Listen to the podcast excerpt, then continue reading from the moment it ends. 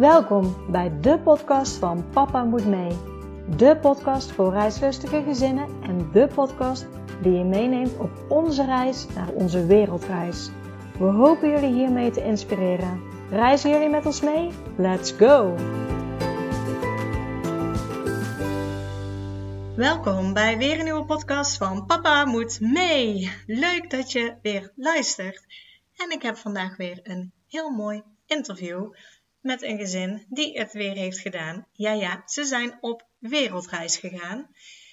En wat ik om me heen zie is heel vaak mensen die uh, ja, toch het moeilijk vinden of angstig zijn uh, en dat ze vaak bezwaren opgooien. Bijvoorbeeld, ik heb een eigen bedrijf, dus ik kan niet op wereldreis. Mijn kind zit al op de middelbare school, dus dan is het lastiger. We kunnen niet meer op wereldreis. En ik heb nu een gezin. Hij is zelf ondernemer. Uh, ze hebben twee kinderen. Eentje zit nog op de basisschool, maar de ander zit wel al op de middelbare school. En zij laten zien dat het gewoon wel mogelijk is. Het is ook echt mogelijk, ook al ben je ondernemer. Het is ook mogelijk, ook al zitten je kinderen op de middelbare school. Dus laat je vooral niet tegenhouden en laat je vooral door dit gezin heel erg inspireren. Zij zijn te volgen op Instagram onder de naam 21M Family. Hoe ze aan die naam komen, lichten ze ook verder toe in het gesprek. Dus uh, ik zou zeggen, heel veel luisterplezier. En vergeet niet, als je deze podcast leuk vindt, laat even een review achter op het platform waar je luistert, iTunes of Spotify. Dat zou ik super fijn vinden. Dus alsjeblieft, liefst 5 sterren natuurlijk, maar uh, ik vind het al fijn als je de moeite neemt om even de show uh, een review te geven. Dus dankjewel daarvoor.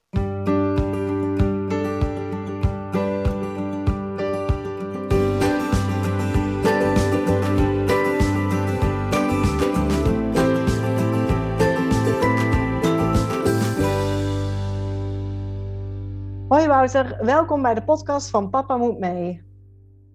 Ja, dankjewel. Uh, leuk, uh, leuk om hier te zijn. Ja, nou ja, de eerste vraag. Zou jij jezelf en je gezin kunnen voorstellen aan de luisteraar? Uh, zeker. Ik, ik ben Wouter, ik ben 41. Dagelijks leven ben ik ondernemer. wij wonen in Friesland. ik ben getrouwd met Susanna, 37. En wij hebben twee kinderen. Julia van 13, bijna 14. En uh, onze zoon eh, Luc is, uh, is tien. Yes, ja, en, en, jullie zijn net terug. Jullie zijn vijf maanden, zeg ik dat nou goed? Weg geweest? ja, klopt, klopt. Wij zijn halverwege september vorig jaar zijn wij vertrokken op reis. En het klopt, wij zijn nu een, ja, bijna twee weken zijn we weer thuis. Dus we zijn inderdaad iets meer dan vijf maanden zijn wij ja, op reis geweest. Ja, want uh, als je teruggaat, waren jullie altijd al uh, echte reizigers voordat jullie kinderen kregen? Uh, ja, hoewel de reizen voordat we kinderen kregen, dat was toch redelijk binnen, binnen Europa. We vonden reizen altijd wel erg leuk. Ehm, maar ja, op een gegeven moment wel gezegd van we willen wel wat verdere reizen gaan doen, ook met kinderen. Nou, dat is eigenlijk begonnen in 2017. Toen hebben wij eh, met de kinderen de eerste ja, echt verre reis gemaakt. Dat was naar, eh, naar Thailand. Dan zijn we drie weken uh, ja, echt met backpacks. Dus een paar rugtassen mee, kinderen een paar rugtassen mee. En ja, redelijk op de Bonnefoy uh, naar Bangkok vertrokken. Nou, dat was ja, dusdanig fantastisch. Dat we eigenlijk de jaren daarna elk jaar wel verre reizen hebben gemaakt. We zijn nog in Amerika geweest het jaar erop in 2019 nog in uh, Indonesië hebben we een uh, rondreis gemaakt. Plus allemaal andere tripjes tussendoor. Maar ja, nooit een uh, dusdanig lange reis als we nu de afgelopen maanden hebben gemaakt, uiteraard. Ja, want, want waar kwam dan bij jullie het idee om, ja, vandaan zeg maar, om voor langere tijd op reis te gaan? Uh, goeie vraag. Uh, er was eigenlijk een beetje ja, drie redenen daarvoor. Uh, punt één, natuurlijk het punt dat we van reizen houden. We wilden eigenlijk wel eens wat langer op reis dan de standaard ja, schoolvakanties van twee of drie weken.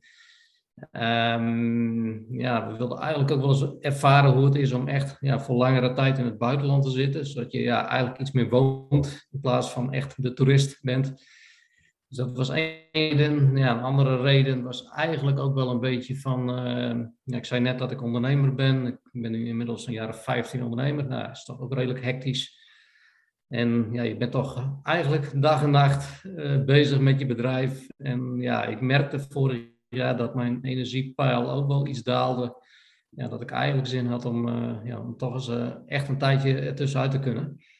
En de laatste reden, ja, dat was eigenlijk toch ook vanwege de hele ja, coronasituatie in de wereld. We zijn redelijk gesteld op onze vrijheid. Ehm, ja, wat er gebeurde met lockdowns, et cetera. Ja, daar waren wij ja, niet erg fan van, uh, om het zo maar te stellen. En hadden we zoiets van, ook naar de vorige winter, waarin we ja, weinig mochten, hadden we zoiets van, ja, als we dat kunnen ontlopen, dan, dan moeten we het nu doen.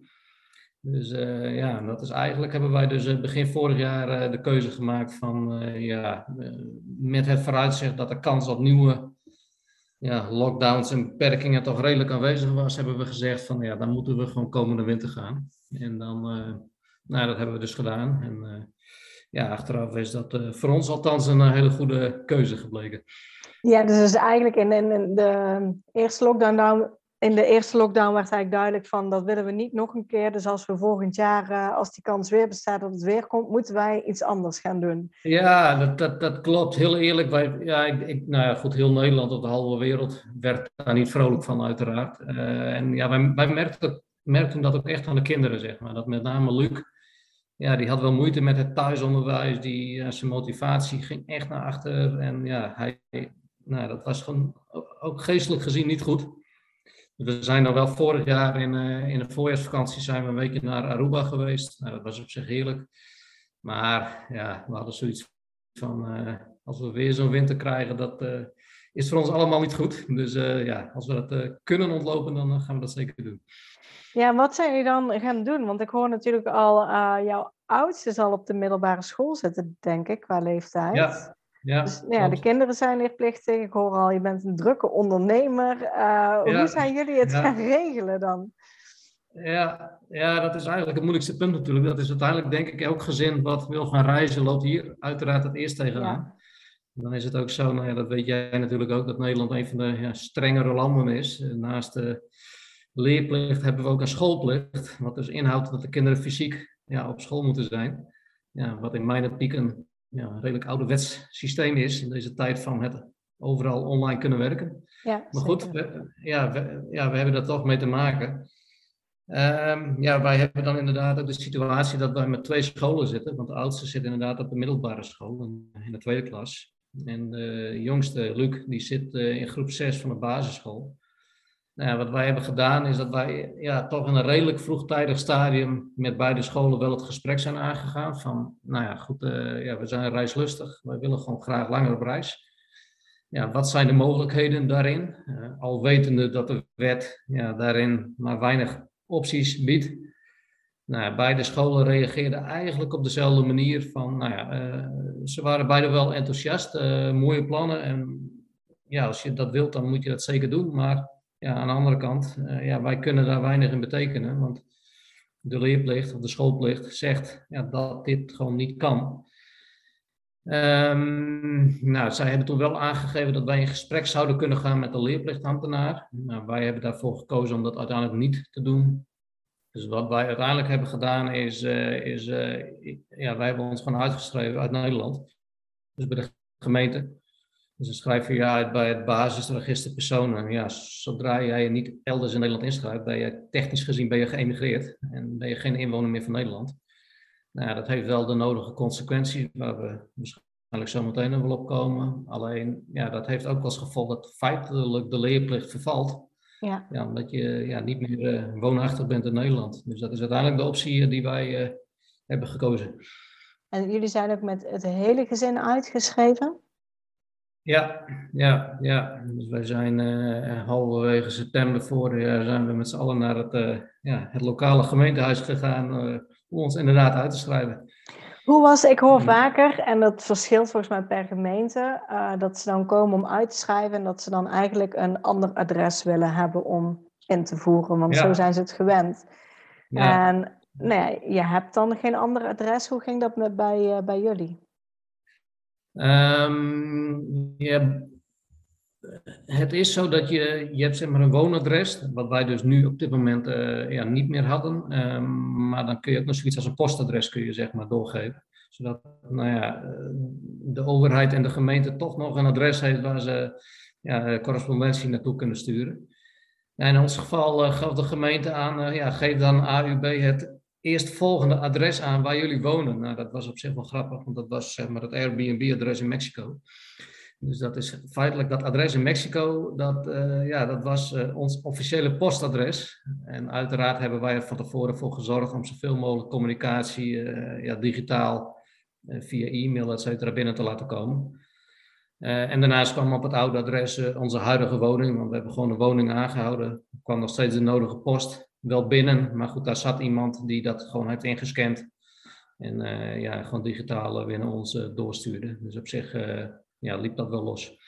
En in Mexico hebben zij nog post gehad? Want ik hoor ook vaker dat, dat de gemeente inderdaad zegt van, nou ja, doe inderdaad maar je eerste adres. En dan sommige mensen die geven ook een hotel in. En dan zeggen ze, ja, uiteindelijk wordt daar ontzettend veel post nog naartoe gestuurd. Ja, heel eerlijk, ik heb er niks van meegekregen. We hebben nog wel eens contact gehad uh, met uh, Misschien dat er inmiddels een stapel ligt, maar nee, ik, ik, heb niet meegekregen dat daar veel naartoe is gestuurd. Dus Nee, maar misschien is dat wel het, het geval geweest, dat weet ik niet. Oké, ja. Ja, nee, uh, je gaf net al aan, als je uitschrijft, dat, uh, dat, dat heeft een paar consequenties. Ik ben heel benieuwd, jij bent ja. ondernemer. Ik weet dat sommige mensen er daarvoor kiezen om bijvoorbeeld degene die ondernemer is ingeschreven te laten staan. Ja. Hoe, is dat, um, hoe is dat bij jou gebeurd, zeg maar? Heeft het voor jou nog gevolgen gehad? Um, nou, ik, ja, ik heb via mijn accountant hebben we vooral wel contact gezocht, bijvoorbeeld met de Belastingdienst, om dit door te geven. Uh, wel met de intentie en, de, en, de, en, en ja, de toelichting richting de Belastingdienst, dat wel de intentie was om binnen een afzienbare tijd weer terug te komen naar, naar, Nederland. Ver, verder is het zo dat ja, ik heb meerdere BV's, dus ik ben niet de rechtspersoon zelf, zeg maar, of het bedrijf is een aparte entiteit. Dus uh, dat is weer anders als je bijvoorbeeld als een eenmanszaak of als een uh, vennootschap onder firma staat ingeschreven, want ja, dan ben jij als persoon zeg maar het bedrijf. Dan kan dat wat meer gevolgen hebben. Uh, nee, ik, ik heb er zakelijk eigenlijk weinig problemen mee gehad. Maar ook omdat wij ja, van tevoren wel uh, richting ja, belastingdienst, et cetera, ja, dit hebben gecommuniceerd. Maar ik merk het nu bijvoorbeeld wel, dat toevallig vorige week, ja, we zijn nu weer in Nederland bezig met de inschrijving van een nieuw bedrijf. een, ja, een nieuw BV. En nu begon de Kamer van Koophandel bijvoorbeeld wel moeilijk te doen, omdat ik op dit moment ja, nog geen officieel woonadres heb in Nederland, zeg maar. Dus, dus daar lopen we nu wel tegenaan. Maar in de tussentijd hebben we eigenlijk weinig problemen gehad. Oké, okay, ja, want, want zelfs, want ik hoor ook in, inderdaad mensen zeggen van uh, als je uitgeschreven bent, dat je ook met de KVK dan in ieder geval even contact kan opnemen. En als je dan ook weer binnen een bepaalde tijd terug bent, dat ook je inschrijving bij de KVK ook gewoon door kan lopen. Het gaat dan even niet over een nieuw bedrijf, maar over de huidige. En, ja, ik eh, heb bij de, bij bestaande bedrijven eigenlijk geen problemen gehad, zeg maar. Nee, dus, uh... en je geeft zeker aan, want, eh, want ik hoor sommigen die zeggen juist, ja, omdat ik een BV ben, kan ik me niet uitschrijven. Maar jij zegt, het is eigenlijk nou juist omdat je een BV hebt, kan je je gewoon uitschrijven. Ja, kijk, ja, ik ben geen accountant of fiscalist of specialist op dit gebied, maar uh, ja, de informatie die ik heb ingewonnen was het geen probleem. Nou, en ik heb dat zelf ook niet ervaren dat dat een probleem was. Ja, je krijgt soms wat rare dingen van. Op een gegeven moment kreeg ik wat formulieren toegestuurd van de Amerikaanse Belastingdienst, omdat ik uit Nederland vertrokken was. Ja, eh, Amerika die wil belasting heffen over zijn internationale uh, burgers, zeg maar, ook als ze in het buitenland zitten. Dus misschien zat ik wel in Amerika. Dus nou ja, dat, dat, dat soort gekke dingen krijg je soms. Maar goed, dat, buiten dat hebben we eigenlijk zakelijk tot nu toe, ook met de Kamer van Koophandel, ja, geen, geen probleem gehad. Nee, nee, ik denk dat dit een hele waardevolle is voor alle ondernemers. Je ziet dat je ook gewoon, zeg maar, als ondernemer uh, je ja. uit kan schrijven dan. Ja, kijk, uiteindelijk, en voor de Belastingdienst, ja, dat klinkt wat zwart-wit, maar uiteindelijk is het allerbelangrijkste voor de Belastingdienst in Nederland, is dat je gewoon je belasting blijft betalen. Ja. Nou, dat heb ik gewoon, ik, ja, ik, ik, ik, stond, ik sta op een loonlijst bij, bij mijn eigen bedrijven. Dus ja, mijn loonbelasting en mijn btw, die betaal ik gewoon door. Dus ja, zolang je dat netjes op tijd doet, ja, tenminste, dat heeft mij dus uiteindelijk geen problemen opgeleverd. Ja, ja. ja daarnaast zit je natuurlijk ook vaak met, met verzekeringen. is het lastig als je uitgeschreven bent? Hoe, hoe is dat bij jullie gegaan? Um, ja, de belangrijkste verzekering uh, ja, waar, waar, je wel het eerst tegenaan had, is je, is je zorgverzekering. Ja, als je in Nederland staat ingeschreven als uh, staatsburger uh, woonachtig in Nederland, dan ja, ben, je, natuurlijk wettelijk verplicht om een zorgverzekering af te sluiten bij een Nederlandse verzekeraar. Ja, op het moment dat je vertrekt, stopt die, omdat die verzekeraar ja, eigenlijk nou ja, eist dat jij een woonadres hebt binnen Nederland. Uh, dat wisten we van tevoren, dus wij hebben, uiteindelijk hebben wij ons verzekerd bij een internationale partij, Safety Wing. Dat is, dat is een uh, ja, vrij bekende partij die uh, digital nomads en reizigers of expats internationaal verzekerd. dus dan ben je feitelijk wereldwijd gedekt voor zorgkosten. Dus als jij in het buitenland, in het ja, Mexico of waar dan ook ter wereld, ja, zorg nodig hebt, dan kun je dat laten declareren bij die partij. Nou, maar, maakt het dan ook nog uit, want ik heb uh, laatst ook een verzekering gesproken en die zijn natuurlijk in, in, Singapore en in Amerika kunnen de tarieven, als je daar zorg nodig hebt, ontzettend hoog zijn. Zitten die daar dan ook bij inbegrepen of, of is dat iets wat je dan extra nog moet afsluiten? Ja, dat is een goede vraag. Het grappige is dat dus de, de, zeg maar de basisverzekering, uh, die al redelijk volledig is, uh, die was zelfs nog iets goedkoper dan onze Nederlandse zorgverzekering. Um, alleen het enige uitzondering was, dat was als, je, als wij naar Amerika zouden gaan, naar de Verenigde Staten.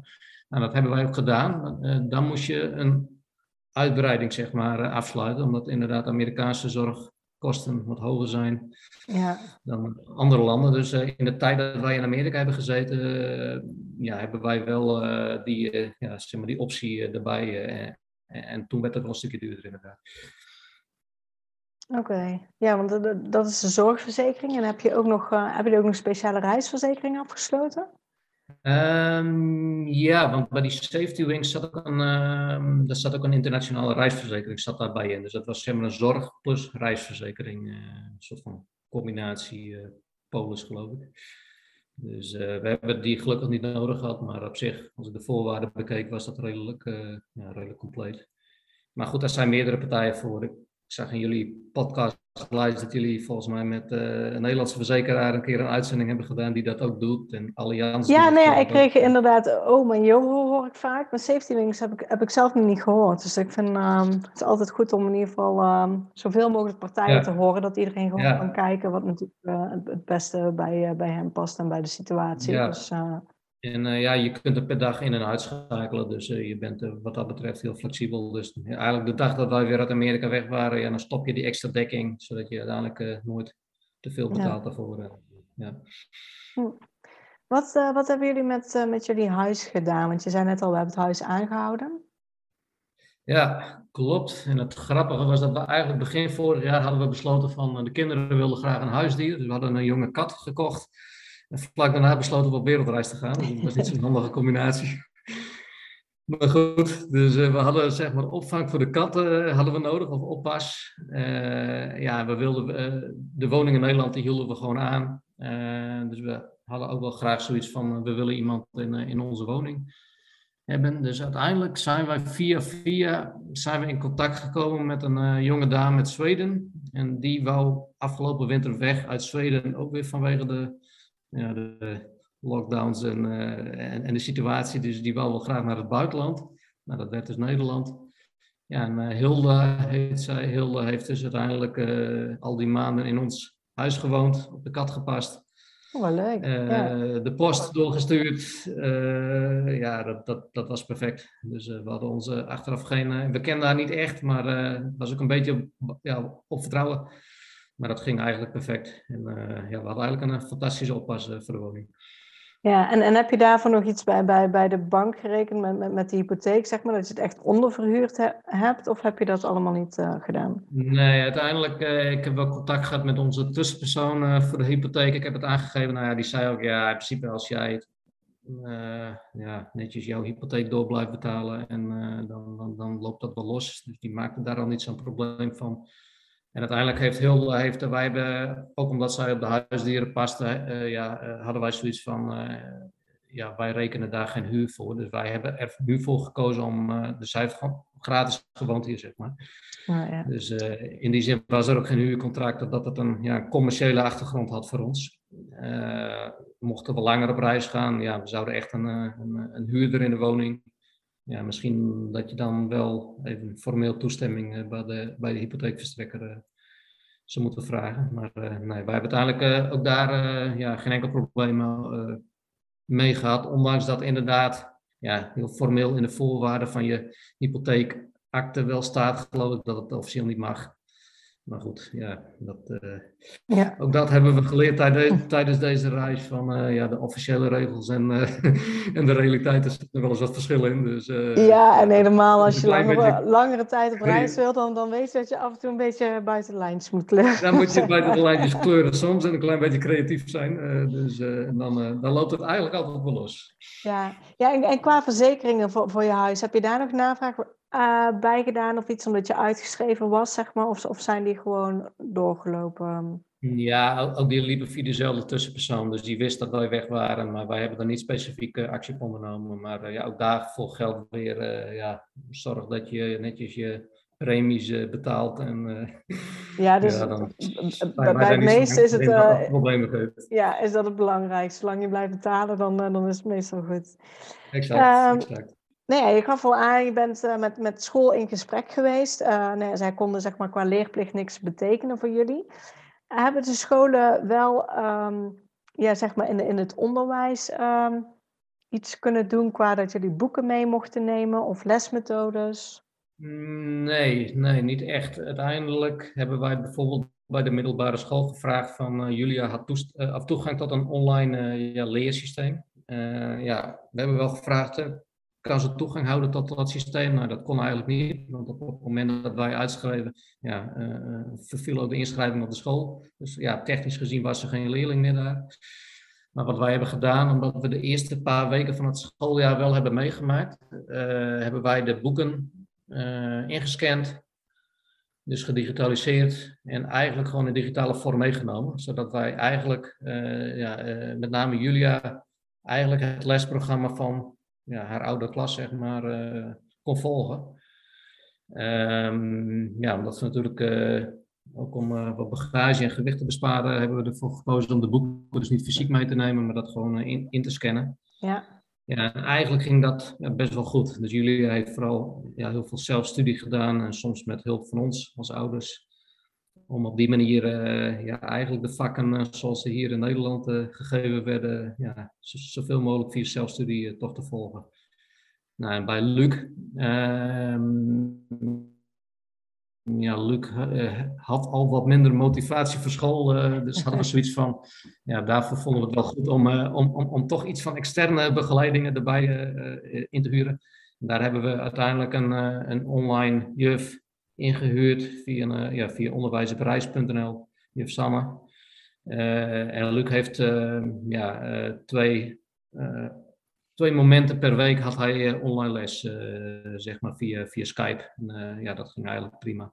Het was wel een andere leermethode dan hij gewend was op, op, ja, op, op, op de ouderschool, zeg maar. Maar ja, goed, op zich ja, ging dat prima. En, uh, en wij hebben daar wel voor gekozen om, uh, ja, om de focus echt alleen te, liggen, uh, te leggen op de vakken ja, die wij belangrijk vonden. Dat was met name spelling, taal, rekenen en dat soort vakken, zeg maar. Ja. ja, want de kinderen, zijn die alweer in Nederland naar school gegaan? Of, um... Uh, nee, nog niet. Wij zijn nu ja, net een dikke anderhalve week terug. Uh, we zijn nog niet helemaal uitgereisd. Want we gaan, hebben nog in de planning om uh, komende week, vanaf zaterdag, nog een week op wintersport te gaan. dus we gaan zaterdag rijden we naar Oostenrijk toe. Um, ja, ja, dat is buiten de schoolvakanties. Ja, dus hadden we zoiets van, ja, als we dat nog even kunnen rekken, die inschrijvingen, zodat we buiten de schoolvakanties nog even een weekje naar de sneeuw kunnen, dan moeten we dat daar nu ook van profiteren. Dus uiteindelijk, toevallig zitten wij morgen wel bij de gemeente uh, om ons weer in te schrijven bij het gemeentehuis. Maar we gaan proberen om, uh, ja, om als datum van daadwerkelijke verhuizing weer naar onze oude woning, zeg maar, uh, dan een datum over iets van twee weken door te geven. Ja, want dan kan je dan, heb je nu een inschatting qua, qua niveau van de kinderen? Zijn ze redelijk op niveau gebleven, denk je, tijdens de les? Of, uh, of tijdens de les, tijdens de reis? Ja, wij, uh, wij voorzien eigenlijk geen problemen. Ze deden het beide ja, daarvoor ook al erg goed op school en ja, hadden daar niet echt moeite mee. En ja, wat we nu merken is dat het, het niveau uh, van de vakken die ze nu hebben gevolgd, dat gaat op zich prima. plus, en dat is onze insteek als reizende ouders denken wij dat ze sowieso door ja, een ervaring als dit al enorm veel leren en ja, ook geestelijke bagage opdoen. Dus nee, ja. wij, wij denken niet dat dat problemen gaat opleveren. Misschien dat ze natuurlijk er en der een, ja, een, een stapje extra moeten doen binnenkort, maar dat, ja, dat zien we dan wel. Ja, ja, dan uh, hoe zag uh, jullie reis eruit? Want jullie vertrokken natuurlijk in, uh, in coronatijd. Het was telkens lastig. Waar kan je wel naartoe, waar, waar kan je niet naartoe? Hadden jullie sowieso een, een route echt in gedachten? Of was het echt, nou, we beginnen met één land en vanuit daar zien we wel wat de mogelijkheden zijn? Ja, ja dat, uh, in coronatijd is reizen was wat moeilijker dan, dan, dan, dan daarvoor. Aan de andere kant was het ook weer makkelijker, want ja, het beperkt je keuzes. Dus je hebt feitelijk minder om uit te kiezen. Dus, dus de keuzestress die werd ook wat kleiner in dat opzicht. Nee, wij hebben gewoon even gekeken van, nou ja, waar kunnen wij als eerste bestemming naartoe? En ja, we hadden eigenlijk twee voorwaarden. We wilden mooi weer, dus ja, lekkere temperaturen. En ja, zoveel mogelijk vrijheid qua maatregelen en eh, beperkingen. Ehm, ja, uiteindelijk zijn wij dus bij Mexico eh, uitgekomen als eerste bestemming. Uh, Mexico was en is nog steeds ja, een van de meest vrije en ja. meest makkelijke landen om naartoe te reizen, eigenlijk gedurende de complete coronaperiode. Dus, uh, dus ja, dat was op zich voor ons niet een moeilijke keuze. Dus we zijn uiteindelijk hebben wij vanuit Nederland een enkele reis ticket geboekt naar uh, Cancún. En in Playa del Carmen hebben we een appartement gehuurd voor een maand. Ook met het idee van eerst een tijdje settelen en, ja, en vanuit daar weer wat ritme en structuur proberen op te doen. Ook qua studie voor de kinderen natuurlijk. Uh, en vanuit daar uh, gewoon verder kijken. Dus we, ja, we hadden eigenlijk wat dat betreft niet echt een planning van welke landen of, of, of, hoe lang we in een bepaald land. Dat was echt alles op basis van ja, enkele reisticketboeken en ja, kort van tevoren weer kijken van waar gaan we naartoe. Dus ja, dus we hebben daar uiteindelijk zes weken in Mexico gezeten. Nou, toen hebben we ook de kinderen gevraagd, wat willen jullie hierna naartoe? Nou, die zeiden eigenlijk uh, unaniem, we willen graag naar Amerika toe. Nou, dat zijn we twee jaar geleden ook geweest, uh, vonden we ook fantastisch. Dus we zijn uiteindelijk, eind oktober, zijn we naar Miami gevlogen. En het idee was om een week of drie door Florida te reizen. Maar ja, we hadden eigenlijk zoiets van, ja, als we dat toch zijn en we hebben tijd zat, dan waarom gaan we dat niet langer doen? Dus uiteindelijk hebben we gekozen om, uh, om zes weken in Amerika te blijven. En dat is eigenlijk een ja, roadtrip van Miami naar uh, Houston, Texas is dat geworden. Dus we hebben uiteindelijk een ja, 5000 kilometer in zes weken. En dan met ja, diverse tussenstops uiteraard. En ja, dat was fantastisch. En het grappige was eigenlijk dat Amerika in, ja, in die periode was voor de hele wereld ongeveer... had de grenzen gesloten, was op slot. Behalve van het Mexico, zeg maar. Dus een paar ah, landen, waaronder Mexico, konden naar binnen. Dus we waren ook, nou, ik denk bijna een van de zeer weinige toeristen op dat moment in Amerika. Dus dat uh, ja, was wel heel bijzonder. Ja, het geeft zeker tijdens corona wel bijzondere situaties, inderdaad. Ja, uh, ja. ja, ja, ja, dus dat was op zich ja, was fantastisch. fantastische periode. Heel veel gezien, beleefd NASA geweest, raketlancering meegemaakt, krokodillen gezien in de Everglades. ja, ja, echt van alles gedaan. Maar goed, dat was tot begin december. En ja, toen was de beslissing van, uh, ja, waar gaan we nu naartoe? Nou, toen hebben we op dat moment gekozen van, eh, we gaan eerst weer terug naar Mexico. ook omdat dat ja, op dat moment nog steeds de meest vrije bestemming was. Dat was ja, op dat moment was het ja, in andere landen nog steeds lastig. Dus we zijn toen terug naar Mexico gevlogen, hebben we weer een maand in Playa del Carmen gezeten. het idee was eigenlijk om daarna wat ja, echt door Mexico te gaan reizen. Alleen ja, we kregen toen bij binnenkomst wat problemen met de immigratiedienst. Die werden wat strenger, omdat de halve wereld vloog naar Mexico. rond die tijd, zeg maar. Dus dat was een grote invasie van toeristen. Dus wij kregen maar 35 dagen visum uiteindelijk. Dus maar een week langer dan ons ja, geboekte appartement. Dus waardoor we eigenlijk ja, na vijf weken ook wel weer Mexico moesten verlaten. Nou, dus uiteindelijk hebben wij tot begin januari weer in Mexico gezeten op een klein eiland gezeten in Mexico. En toen zijn we naar El Salvador gevlogen. Ehm, ook vanwege ja, onze voorliefde voor Bitcoin. We zijn redelijke Bitcoin-liefhebbers. Uh, blijkt ook een klein beetje uit onze Instagram-naam. Ja, ja. Uh, ja. Dus uh, ja, El Salvador is het, het, eerste land wereldwijd waar Bitcoin officieel betaalmiddel is geworden. Nou, dat, dat is al ja, voor ons heel, heel bijzonder. Maar goed, dan had ik zo, zoiets van als we naar El Salvador gaan, ja, dan wil ik eigenlijk ook naar de plek gaan waar het echt is begonnen. Nou, dat is echt een heel klein dorp aan de, aan de, aan de, aan de Stille Oceaankust. Een klein surfdorpje, El Zonte. Dus, uh, dus we zijn uiteindelijk naar El Zonte uh, gegaan. Um, nou, El Zonte is een surfdorp, dus dan hadden we zoiets als we naar een surfdorp gaan, dan moeten we ook gaan surfen. We hebben uiteindelijk een surfkamp daar geboekt. Uh, twee privéleraren, dus dat was echt fantastisch. We, we hebben echt uh, vijf uh, dagen surfles gehad op de oceaan. Dat was een, ook voor de kinderen een unieke ervaring. Uiteindelijk zijn we toen, dat was ergens in halverwege januari, zijn we naar Panama gevlogen. Daar een tijdje gezeten, een anderhalve week ongeveer, in Panama City. En ja, daarna uiteindelijk door naar Curaçao. De laatste drie weken hebben we op Curaçao gezeten. En uh, ja, toen was het uh, half, uh, half februari weer. En ja, dat was eigenlijk op dat moment toen het einde van onze reis. Toen hebben we besloten om eerst weer naar Nederland te vliegen. Ja, ja, klinkt heerlijk, zeg maar, al die, al die landen en, ja, ja, en reizen. Ja, en, en nu dan heel even Nederland, maar ja, de, binnenkort dan dus weer ja, skiën. Ja, klopt, klopt. Wij, ja, wij hebben uiteindelijk in de tussentijd toch een camper gekocht.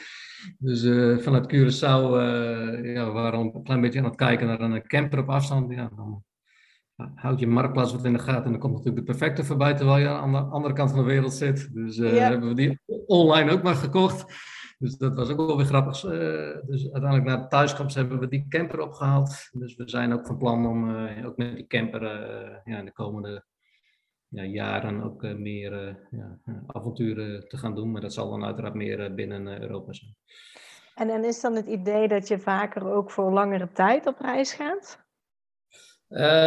weten we op dit moment nog niet. Zeker, misschien wel. Maar ja, het is ook een. ja, ja de, de, de, de leerplicht, de schoolplicht blijft natuurlijk een lastig ding wat dat ja. betreft. Ehm, dus ja, dit, dit, het is nu ook even kijken van hoe de kinderen weer instromen. Als dat heel goed gaat, ja, dan is de kans misschien groter dat we dit nog een keer doen. Maar uh, ja, dat, op, op dit moment weten we dat niet. Uh, dat, uh, we hebben zelfs een einddatum van onze reis hadden we niet. Dus uiteindelijk is het bij ons vijf maanden geworden. Uh, ja, er zijn ook gezinnen, we, zijn ook gezinnen tegengekomen die echt voor jaren onderweg zijn. Nou, dat hebben we wel geleerd. Dat, dat, dat hoeft om ons niet per se, zeg maar. Uh, uiteindelijk is het wel weer fijn om iets van een thuisbasis weer te hebben, zeg maar. Uh, maar dat is voor elk gezin anders. Wij hebben echt geleerd en gemerkt dat de afwisseling voor ons toch heel belangrijk is. Dus, nou ja, dus in dat opzicht was dit een perfecte periode voor ons. Ja. Hebben jullie onderweg ook nog, uh, ook nog gewerkt of uh, heb je zeg maar echt je bedrijven uh, losgelaten? Ja, nou helemaal loslaten, dat is altijd lastig als ondernemer. Ja.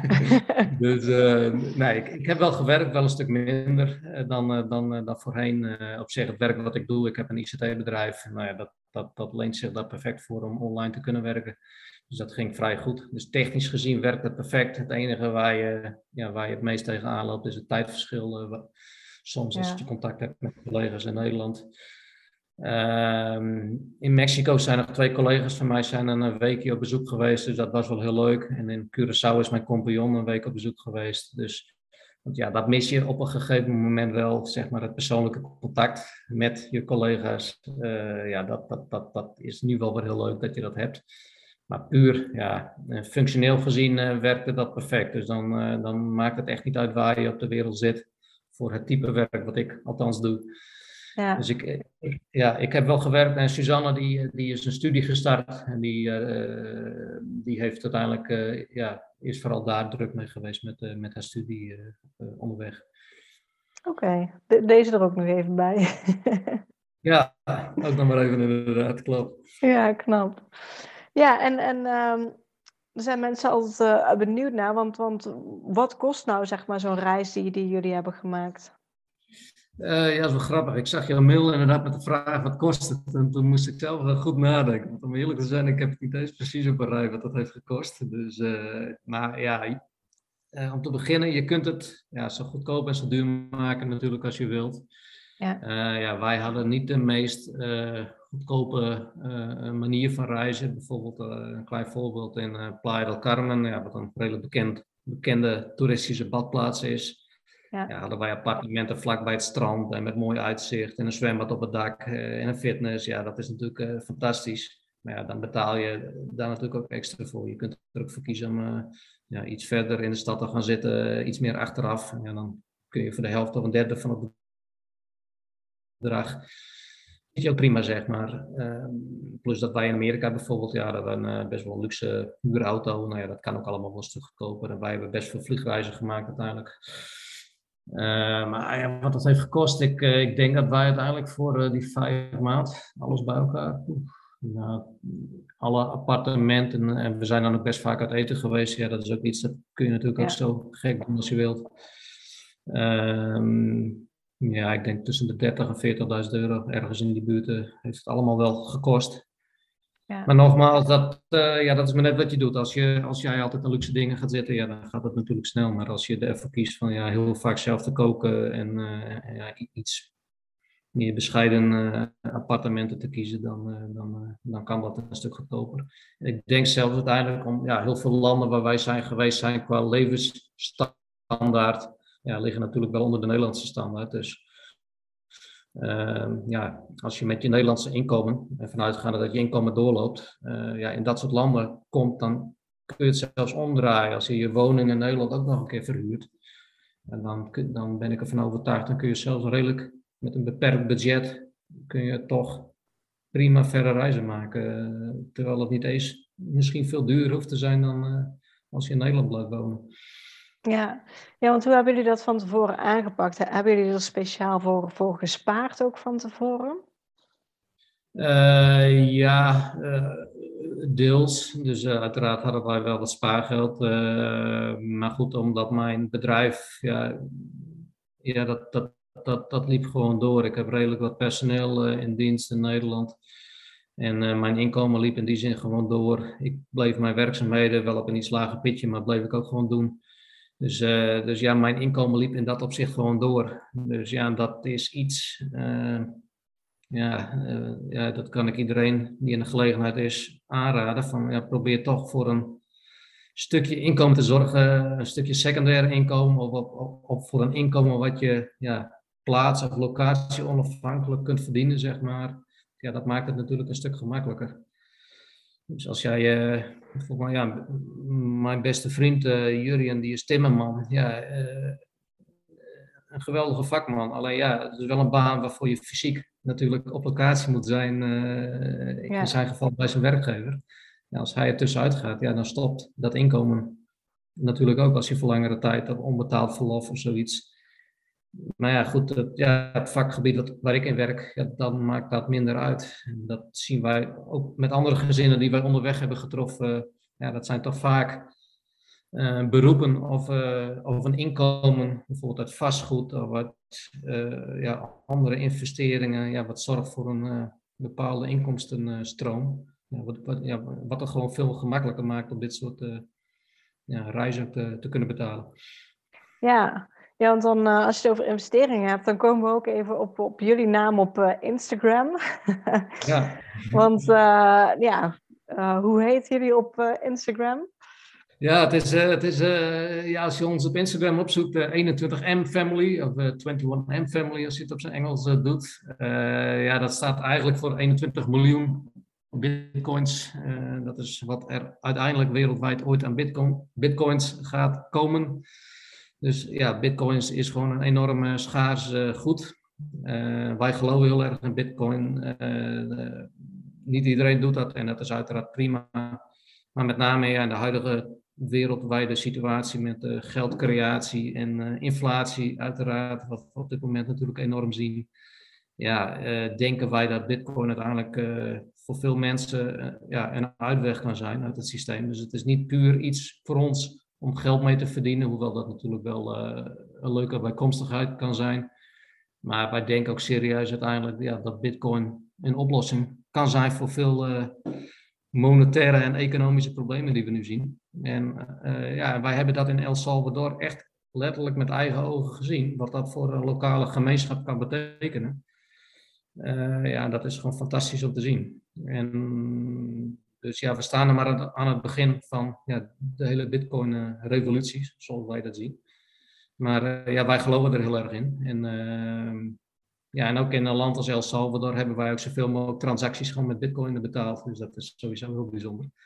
Ja, en, uh, ja, dat, uh, ja het, het werkt echt, het werkt ook echt perfect op locatie daar. En ja, dat is, ja, was ook voor ons een hele bijzondere, bijzondere ervaring. Want wat, wat kan je dan vertellen, wat, wat zie je dan in El Salvador, zeg maar, wat, wat bitcoin daarvoor voor de mensen heeft kunnen betekenen? Nou, dat was een van de redenen voor ons ook om naar El Zonte te gaan. Het, uh, El Zonte is een heel klein dorp. Uh, ja, het verhaal heel kort. Uh, een, een Amerikaanse ondernemer die kwam al jaren privé voor vakanties in El Zonte. En die had daar wat projecten om de lokale, ja, best wel arme bevolkingen te helpen met, de lokale jeugd te helpen met opleidingen en, en cursussen. Nou, op een gegeven moment in 2019 kreeg hij een donatie in bitcoin. En de enige voorwaarde was, die bitcoin mag niet worden omgewisseld voor de lokale Amerikaanse dollar, zeg maar de officiële munt. En dus die bitcoin die moet worden gebruikt voor ja, een soort van lokale mini-economie, waarmee ondernemers en bewoners elkaar gaan betalen. Nou, dat is uiteindelijk uh, heeft dat een redelijke vlucht genomen. En dat dorp is uiteindelijk als Bitcoin Beach bekend komen te staan. En dat was uiteindelijk later voor de president van El Salvador. Uh, ja, uh, heeft dat overgenomen en uiteindelijk in compleet El Salvador ingevoerd als zijnde een officieel betaalmiddel. Nou, dat zie je met name in dat Bitcoin Beach, dat El Zonde, zie je dat heel sterk terugkomen van, uh, ja, je kunt uh, bij marktkraampjes op straat of uh, als je ja, bij, bij, de lokale kleine mini-restaurantjes, ja, alles kun je in Bitcoin betalen. Uiteraard ook in dollars. Alleen, ja, er is echt een lokale mini-economie ontstaan.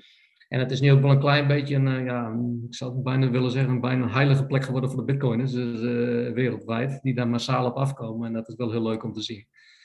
En er wordt ook heel veel gedoneerd in bitcoin. Dus er zijn fantastische projecten om de lokale jeugd, die uh, ja, eigenlijk ja, geen toekomst had in El Salvador, om nu ja, door bitcoin donaties ja, allemaal cursussen aan te bieden. Nou, dat neemt eigenlijk een enorme vlucht. En ja, dat zie je nu ook in dat complete land. Het toerisme neemt enorm toe, de investeringen nemen enorm toe. Heel veel buitenlands kapitaal stroomt in dat land in, terwijl het een land is met een, heel, ja, een, zeer slechte reputatie van vroeger. Jaren 80 burgeroorlog geweest, eh, het, halve land is naar Amerika gevlucht. Dus het was gewoon een, ja, een redelijk arm en uh, kansloos land wat dat betreft. Ja, dat hele land zit nu in een enorme positieve ontwikkeling, ja, mede door Bitcoin ja, dat is fantastisch om, eh, om, eh, om, eh, om te zien en mee te maken. Ja, en, en hoe betaal je dan met, met Bitcoin als je daaruit uit eten gaat? Als, als ik vragen mag. Uh, ja, zeker. Uh, ja, om het een klein beetje technisch, uh, ik, ik, zal het niet te technisch maken, maar je, je hebt zeg maar een oplossing bovenop Bitcoin gebouwd en dat, dat, dat heet Lightning. En Lightning is eigenlijk een supersnelle en een spotgoedkope manier om met Bitcoin wereldwijd te kunnen betalen. Dus nou, dat, ook dat was een probleem uh, met, met, de, met de dollarstandaard. Heel veel uh, families die inmiddels in Amerika wonen, stuurden geld naar hun familieleden in El Salvador in dollars. Om hun daar te steunen. Alleen, ja, dat ging via bedrijven als Western Union, et cetera. Nou, die, die, dat soort bedrijven die pakken dat 10, 20, 30 procent vergoeding van die dollars af. Dus dat was een hele dure manier om dat geld in El Salvador te krijgen. En dan praat je over een land waar ja, meer dan de helft van de bevolking überhaupt niet eens toegang had tot een bankrekening. Nou, met Bitcoin kan er nu wereldwijd geld worden gestuurd voor een, ja, een fractie van een cent qua transactiekosten. Uh, supersnel. Uh, dus dat was al een, een enorme positieve ontwikkeling. Nou, en hoe dat in de praktijk werkt als je daar ter plekke bent, uh, dat gaat eigenlijk allemaal via, ja, via de smartphones. Dus, dus je kunt heel simpel een Bitcoin wallet, dus een soort van digitale bankrekening op je telefoon zetten. Nou, daar stort je wat Bitcoin naartoe, dat stuur je daar naartoe. En dan uh, heb je zeg maar in je digitale wallet op je telefoon heb je voor een, nou, bijvoorbeeld een 100 dollar aan bitcoin staan. En op het moment dat je een transactie moet doen, dan uh, scan je gewoon met je telefoon ja, een QR-code uh, bij, de, bij het restaurant bijvoorbeeld. En, en die QR-code, daar zit het bedrag in verwerkt. En op die manier, ja, binnen een seconde maak je zeg maar vanuit jouw wallet maak je een heel klein stukje bitcoin over naar de wallet van de, ja, van de ondernemer. En op die manier ja, werkt dat vlekkeloos, supersnel en spotgoedkoop. Ja, ja, mooi. Ja, ik, ik heb in een uh, eerdere aflevering ook uh, Didi uh, Haitutu zeg maar, gesproken. Die heeft dus heel zijn vermogen ja. in, in bitcoin gedaan. En, ja, wat ik Didi... heb hem getroffen en gesproken in Mexico. Oh, ja, leuk. Didi. Dat was erg leuk. Dus, Ja, en, en Didi is natuurlijk ook van, van het, het, het aanhouden van, van bitcoin, van je crypto natuurlijk. Ja. En, en met een klein gedeelte handelt hij dan, zeg maar.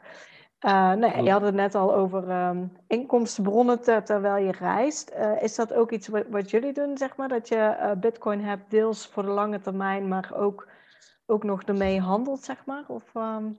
um, ja, sowieso voor de lange termijn wel, want wij geloven met name op de lange termijn in bitcoin. Dus ja, als je in bitcoin stapt, mijn advies zou zijn, doe dat voor vijf of voor tien jaar. En, en, en niet voor de al te korte termijn, want ja, de volatiliteit, zoals het heet, de pieken en dalen zijn nog wel eens heftig bij Bitcoin. Doe dat voor lange termijn.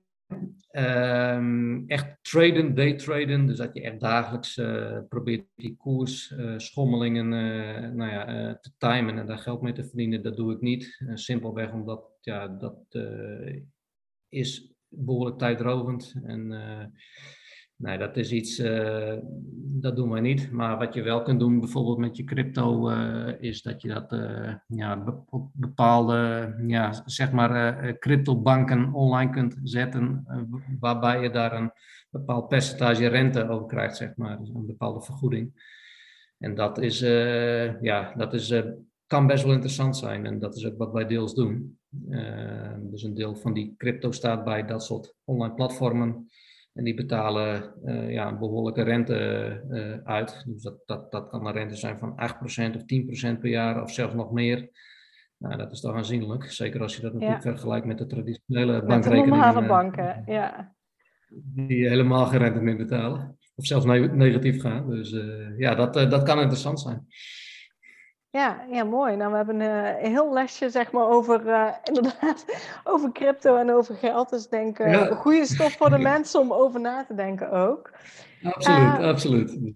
Ik ben ook nog wel even benieuwd uh, naar, naar, naar, ja, naar jullie kinderen, zeg maar. Hoe hebben die het ervaren? Want ja, die waren natuurlijk op een leeftijd dat ze alles um, volledig meekregen van de reis natuurlijk.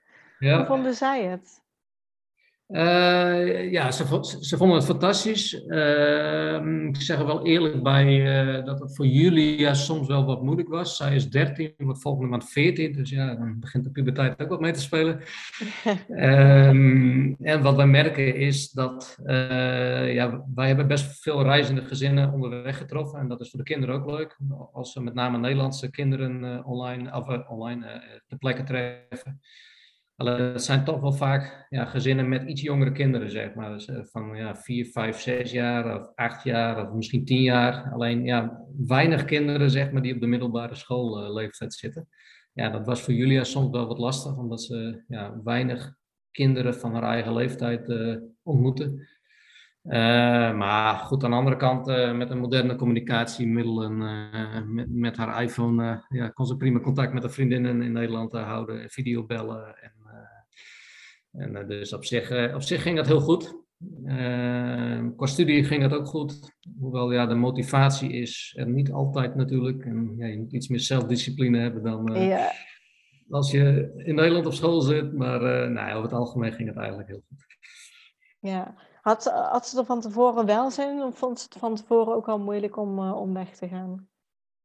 Uh, ja, het moeilijkste vonden ze eigenlijk om de, om, om de kat uh, achter te laten hier. Dus dat, dat is wel even een dingetje. Ook omdat we de kat, uh, ja, we hadden de kat nog maar een paar maanden. Dus maar goed, Hilda, de Zweedse dame die hier in de woning zat, die, die stuurde nou wekelijkse filmpjes en foto's toe. Dus dan, dat verzachtte de pijn redelijk. Dus, ja, dat doet ook goed. En voor de rest, ja, natuurlijk, kijk, het, het het lijkt op Instagram altijd uh, natuurlijk altijd feest en altijd mooi weer en elke dag op het strand. Uh, maar ook, ja, ook op reis heb je natuurlijk wel eens je mindere dagen. En dat, dat, dat, net zozeer als je dat in Nederland hebt. En natuurlijk hebben ook de kinderen wel eens dagen gehad dat ze wat minder in hun vel zaten. En uh, of eens een keer ja, zoiets hadden van ja, we willen. we hadden nu wel graag thuis willen zijn bij de kat of bij de eigen spullen, de, de vriendjes en de vriendinnen. maar over het algemeen duurde dat maar heel kort. En uh, nee, dat is eigenlijk perfect gegaan. Maar wat ook mee speelt bij ons is dat wij al best wel wat verre reizen hebben gemaakt in de vorige jaren. Dus helemaal onbekend was het ook niet voor de kinderen. Ja, ja. Ja, dan uh, ben ik eigenlijk benieuwd. Heb jij nog tips voor gezinnen die, die ook voor langere tijd op reis willen gaan? tips, ja. Ik, ik zag de vraag in jouw mail. Ik moest er even over nadenken ja, de belangrijkste tip is uiteindelijk gewoon als je zoiets op je bucketlist hebt staan, uh, ja, doe het alsjeblieft gewoon. Want uh, ja, nou ja, het is een cliché, maar de jaren en de tijd gaat zo snel voorbij. Ook bij ons, nou ja, onze dochter eh, Julia is bijna 14. ja, misschien wil ze over drie, vier, vijf jaar überhaupt wel niet meer mee met onze prijs. Ja, dan heb je spijt als je dat niet hebt gedaan. Dus als je ook maar een klein beetje de kans hebt, je wilt het graag, ja, doe het gewoon. Ook al ja, uh, heb je niet alles perfect geregeld of alles uh, perfect ingedekt. Uh, uiteindelijk lost eigenlijk alles lost zichzelf onderweg wel op. En voor alles is een oplossing. En uiteindelijk is er altijd wel een reden om, om het niet te doen. Met werk of financieel of, ja, of met een leerplicht. Maar ja, als je het wilt, ja, ga er gewoon voor. En, en neem, ja, neem die stap. En ik denk uiteindelijk dat het voornamelijk belangrijk is, uh, ja, uh, stap echt uh, buiten je comfortzone. Want dat is, ja, ik zie te veel mensen ook om ons heen. Ja, ze willen wel en, en de plannen zijn er wel, maar uiteindelijk durven ze niet. En dat is gewoon eigenlijk ja, bijzonder jammer. Dat je in, onze optiek je leven toch ja, een stukje door angst laat leiden. Ja, dat, ja, stiekem beperk je jezelf enorm daarmee. En ja, dat ja, wij denken dat het leven te kort is om, eh, om dit soort kansen te, te laten liggen. Dus uh, ja, doe het gewoon. Ja, ik denk een mooie afsluiter en ik hoop, uh, ik denk heel inspirerend inderdaad. Uh, je ziet als je ook ondernemer bent, zelfs als, als je kind al op de middelbare school zit, is het gewoon nog steeds mogelijk om op reis te gaan. Dus ja. dank je wel voor dit voorbeeld in ieder geval te zijn voor, voor de anderen en uh, voor alle informatie die, uh, die je hebt gedeeld. Ja, nee, graag gedaan. En als laatste, dat, eh, dat ben ik misschien net vergeten te melden, ja, niet alleen voor jezelf, maar, maar ook voor je kinderen is dit natuurlijk een geweldige les. Ook in hun persoonlijke ontwikkeling, hun zelfvertrouwen, hun taalvaardigheid, omgang met andere culturen. ja, en, en, en dat zien wij ook echt bij onze kinderen, van hoe veel meer zelfverzekerd zij nu zijn ook in het buitenland ten opzichte van uh, ja, voorheen. Ja, dat is een enorme ontwikkeling uh, ja, wat ze nooit hadden meegemaakt uh, als, ja, als we dit niet hadden gedaan. dus ook voor je kinderen voor later, denk ik, is dit een, ja, een, een, stuk bagage wat je meegeeft, ja, wat niet in geld of in, ja, in woorden is uit te drukken, zeg maar.